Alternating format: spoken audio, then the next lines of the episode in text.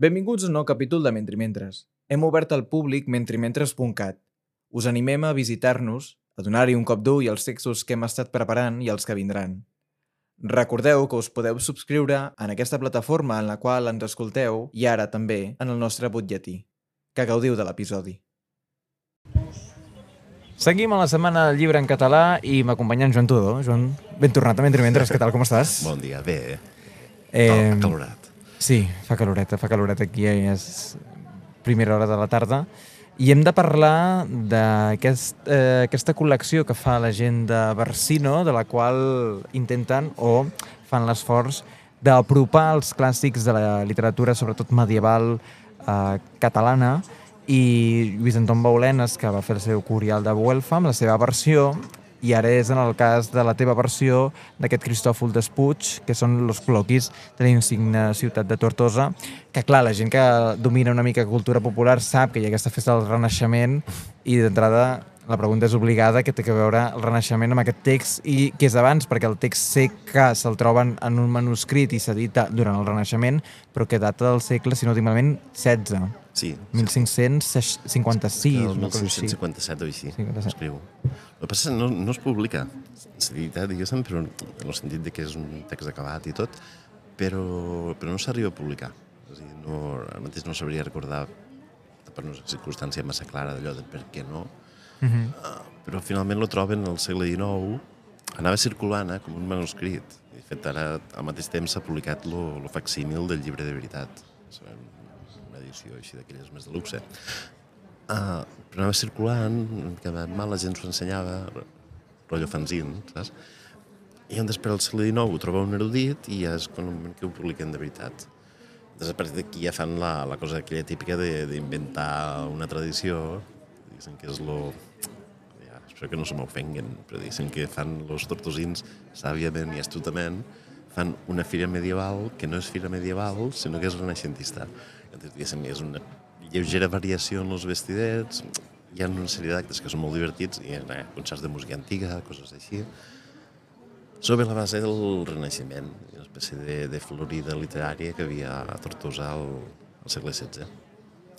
I a tu t'ha tocat fer això que se'n diu una versió, traducció al català actual, per dir-ho així, mm. i no has escollit tots els col·loquis, n'has fet una selecció. No, perquè justament com la col·lecció són llibres petitets, eh, no se n'anava de molt, eh? No és un llibre llarg, però, però bé, seria el doble, seria el doble llarg. N'ha agafat tres dels sis que hi ha. Hem agafat el primer i el segon, perquè són el primer i el segon, i després n'hi ha un que era inexcusable, que és el col·loqui, que, que s'hauria de fer sí o sí, el col·loqui que s'ha de llegir, que és el sisè. Que és, és, Clar, la història són tres personatges que van passejant per Tortosa, per la ciutat de Tortosa, i van parlant de coses diverses, fent, fent tertúlia, diguéssim. El primer, segon, quart i cinquè van parlant de coses de política de l'època, per dir-ho fàcil, o d'història, o de, o de si acabaven la catedral, per exemple, coses així, però el sisè, com que un dels tres personatges és un valencià, és un de fora, des dels dos tortosins li van tota l'estona explicant que això va així, això, la catedral no l'acabem perquè no sé què, i al final agafen un bar, un barco, eh, baixen riu avall i li van explicant tot el que es troben. I llavors li fan cant de les meravelles naturals del terme de Tortosa, que realment, és a dir, és, és un lloc així molt particular, el que és Tortosa i l'entorn, i n'anaven del fet que el Tortosa, el terme municipal, era tot l'actual Baix pràcticament, i part, bona part del Montsià. És un terme municipal enorme i que anava creixent perquè anava sortint una cosa allí que era, que era, un, que era un delta. Estava molt en formació en aquell moment. Clar, és un lloc que en la muntanya està molt a prop del mar, i llavors tens, que tens litoral per una banda, per l'altra banda tens muntanyes, ben, muntanyes en tota la pesca. Um, aleshores, diguéssim, hi ha una diversitat de, de coses que el, en ell, el despuig, li permet fer una espècie d'exhibició de llenguatge, una, una acumulació de, de, de, de peixos, de moixons, de, de bèsties diverses, de formes de pescar, de, de, de, cultius, de bèsties de la muntanya, que és, que és una exhibició de llenguatge fantàstica. El que sí que això també implica que jo, jo també he tingut poca feina, eh? És a dir, Bueno, clar, 1556, però sí que la distància, com diu aquí, 450 anys de debat i reflexió, són 450 anys de llengua, també. sí, Però que has tingut poca feina, també, eh, en aquest cas, eh, perquè l'adaptació al que has acabat escrivint eh, respecta fins a cert lògica el que ara deies. O sigui Sí. que realment mm, la, la transposició no era feta ja en lo blanc, m'imagino. No. Clar, tu, per exemple, jo, jo sempre m'imagino el que podria fer en Ramon Llull. En Ramon Llull hauries de canviar moltes coses per a fer el ca- català modern, perquè el català realment ha evolucionat molt. Respecte al Despuig no hi ha tanta evolució, i el que, el que sí que passa és que, i per això tinc poca feina, uh, o he tingut poca feina, la gràcia que té és sobretot el llenguatge. Aleshores, si fas una adaptació molt, molt deformadora, diguéssim, uh, justament perds aquesta gràcia, que en aquell exercici de col·loqui és completament lèxica. Després, sembla... És dir, la, la poca feina que, que estic dient tota l'estona és, és una feinada enorme, que és la feina de, de refrenar-te tu, de, de no sortir allí donar el el do de pit. I després una cosa que és una mica més invisible, que no és, que no és com una adaptació paraula per paraula, que canvies la paraula arcaica per la paraula moderna, sinó que el que trobes aquí és que trobes una sintaxi que és diferent, que és, que és una època, que és un naixement, en què ells estan descobrint l'antiguitat grecollatina i dicen que una marca de distinció en aquell moment era eh, utilitzar una sintaxi com a llatinitzada. En molts d'hiperbatons, molts giravolts, moltes, molts circunloquis. Aleshores, lo, no havia tant una qüestió de canviar paraula per paraula, sinó de repensar cada frase. De pensar cada frase, a veure què, és el que, està, què és el que estaven dient, de vegades dividir-les en dues frases, de vegades aplanar-les, diguéssim, perquè fos més, més comprensible per l'actualitat, que, és, que partim d'una llengua que intenta semblar-se més a la llengua parlada. És, a dir, és una perspectiva completament oposada. Eh? Ells volien separar-se de la llengua parlada perquè no crec que parlessin així. I nosaltres ara, quan escrivim i llegim un llibre, esperem una reproducció de lo que és una conversa d'uns que passegen i que realment no et fan una frase de 20 línies. Clar, i jo et volia demanar, ja que podem, a veure si poguéssim llegir algun fragmentet que poguessis escollir i que ens poguessis demostrar la teva versió, eh? no cal anar a buscar les dues versions i comparar-les i fer tot això, simplement llegir alguna perquè ens escollis de la teva versió d'aquests col·loquis de Tortosa, perquè justament, si no vaig errat, el Renaixement, la, la festa se celebra ara fa no gaire. Es va celebrar... Fa un mes. Un mes. Sí, un mes o dos, Justament, finals de juliol. sí, sí. Jo, clar, a mi el, el tros que m'agrada, realment m'agrada molt, és el tros final. Uh, és que em sap, em sap greu potser allargar-me massa, però, Ui, ara. Tot teu, tot teu. però, però hi ha un moment que, clar, ells estan allí, el, tenen el Don Pedro, que és el valencià, i li estan explicant pues, tot el que hi ha allí. I el Don Pedro s'exclama, oh, quines coses tan estranyes són aquestes. Us he de dir que certament el sol no escalfa terra tan regalada com aquesta. Però tot este peix que dieu, que s'agafa als estanys, no deu ser tan bo com l'altre. Com a mínim, no ho és el que s'agafa a l'Albufera de València, que deu ser com eixos estanys. Eixos estanys és lo, lo poquet de delta que havia aleshores, eh? que tenia ells, sortien uns...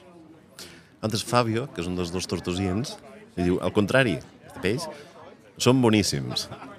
I això és perquè la mar entra i surt regularment d'aquests estanys i l'aigua de pluja no s'hi pot arreplegar ni empantanar, com a l'albufera.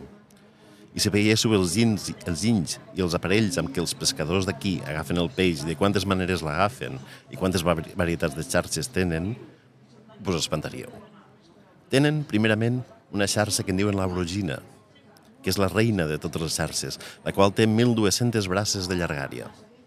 És tan cabalosa que en els nostres temps va enxampar una tirada de més de 1.000 paneres de peix, cadascuna de les quals té fins a 6 arrobes de peix, més o menys.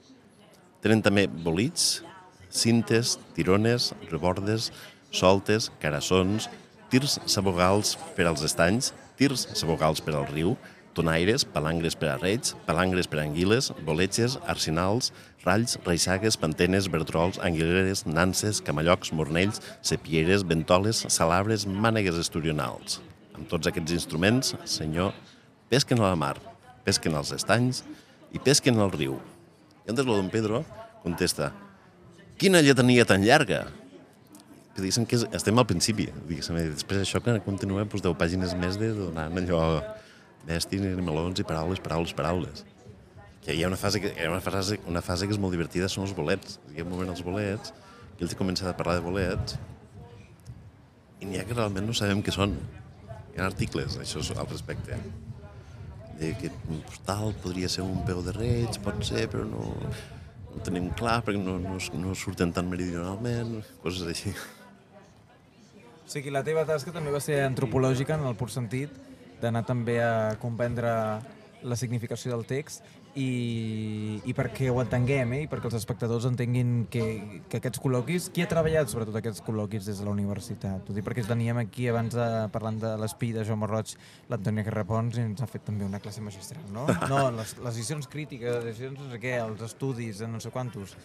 I en el cas aquest dels col·loquis és un text conegut per l'acadèmia, tots aquests articles que els acaba generant, perquè la medievalística sí que té unes quantes capes. Clar, de... això, això la, la, que havia fet la gran edició als anys 70 va ser l'Eulàlia Duran.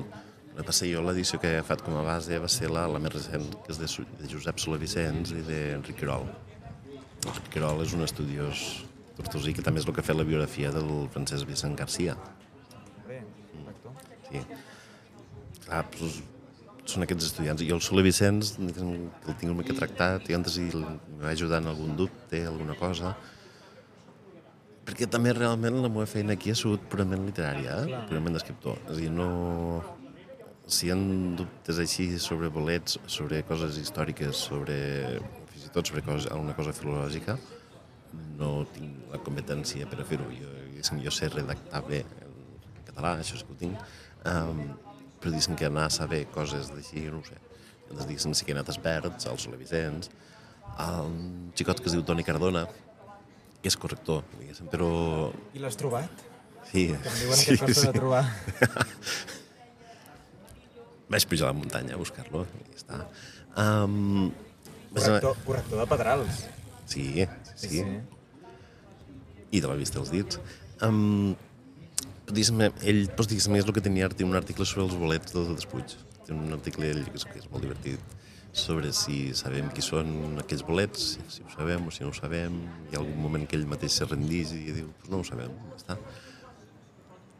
Jo crec que és uns, com, com uns esquimals. Els esquimals que tenen 50 colors per al color blanc, mm. Despuig pues, tenia 50 noms per a bolets. Que dius que estava més en contacte amb la natura o, no, o alguna passava allí. Els bolets és l'última cosa que pensàvem Tortosa, eh? però, però bé, eh, ja, ja, ja, ja és això. La portada, però, eh, són les... Eren les olives?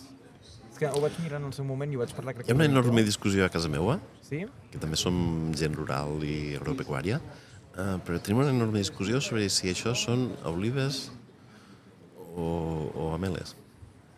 I No... Les fulles semblen d'ametller, eh, estos fruits podrien ser ametlles quan encara estan per pelar, però també semblen olives. Però el que passa les fulles no acaben de semblar d'oliveres. No, exacte. I no, no tens la certesa? No tens la resposta? No, us Però parlo... tenim una llarga discussió domèstica, familiar. Les intimitats de Joan, de Joan Tudor. Joan, doncs, moltíssimes gràcies per fer-nos 5 cèntims d'aquest Cristòfol Des- Despuig que has publicat en aquest tas de clàssics, això que abans no he sabut dir el, el nom de la col·lecció, que ja t'hi sumes a Marta Marfany, a, com deia, tota una colla de gent que us dediqueu a traduir o a fer versions, en aquest cas. Hi ha una discussió aquí, eh? Sí, no, ja l'he tingut aquest matí, ja l'he tingut aquest matí. Per favor, sí, sí, ja l'he tingut aquest matí. Joan, moltíssimes gràcies. Eh, podem dir que estàs treballant amb alguna cosa? Podem dir que estàs fent molta feina? Estic disfrutant d'un fantàstic bienni sabàtic. Molt bé, tu. Bienni semàtic, eh? Per tant, encara et queda un any, no? Sí. Molt bé, molt bé. Doncs, Joan, acaba de gaudir aquesta setmana i gràcies avui per acompanyar-nos per aquí. Gràcies a vosaltres.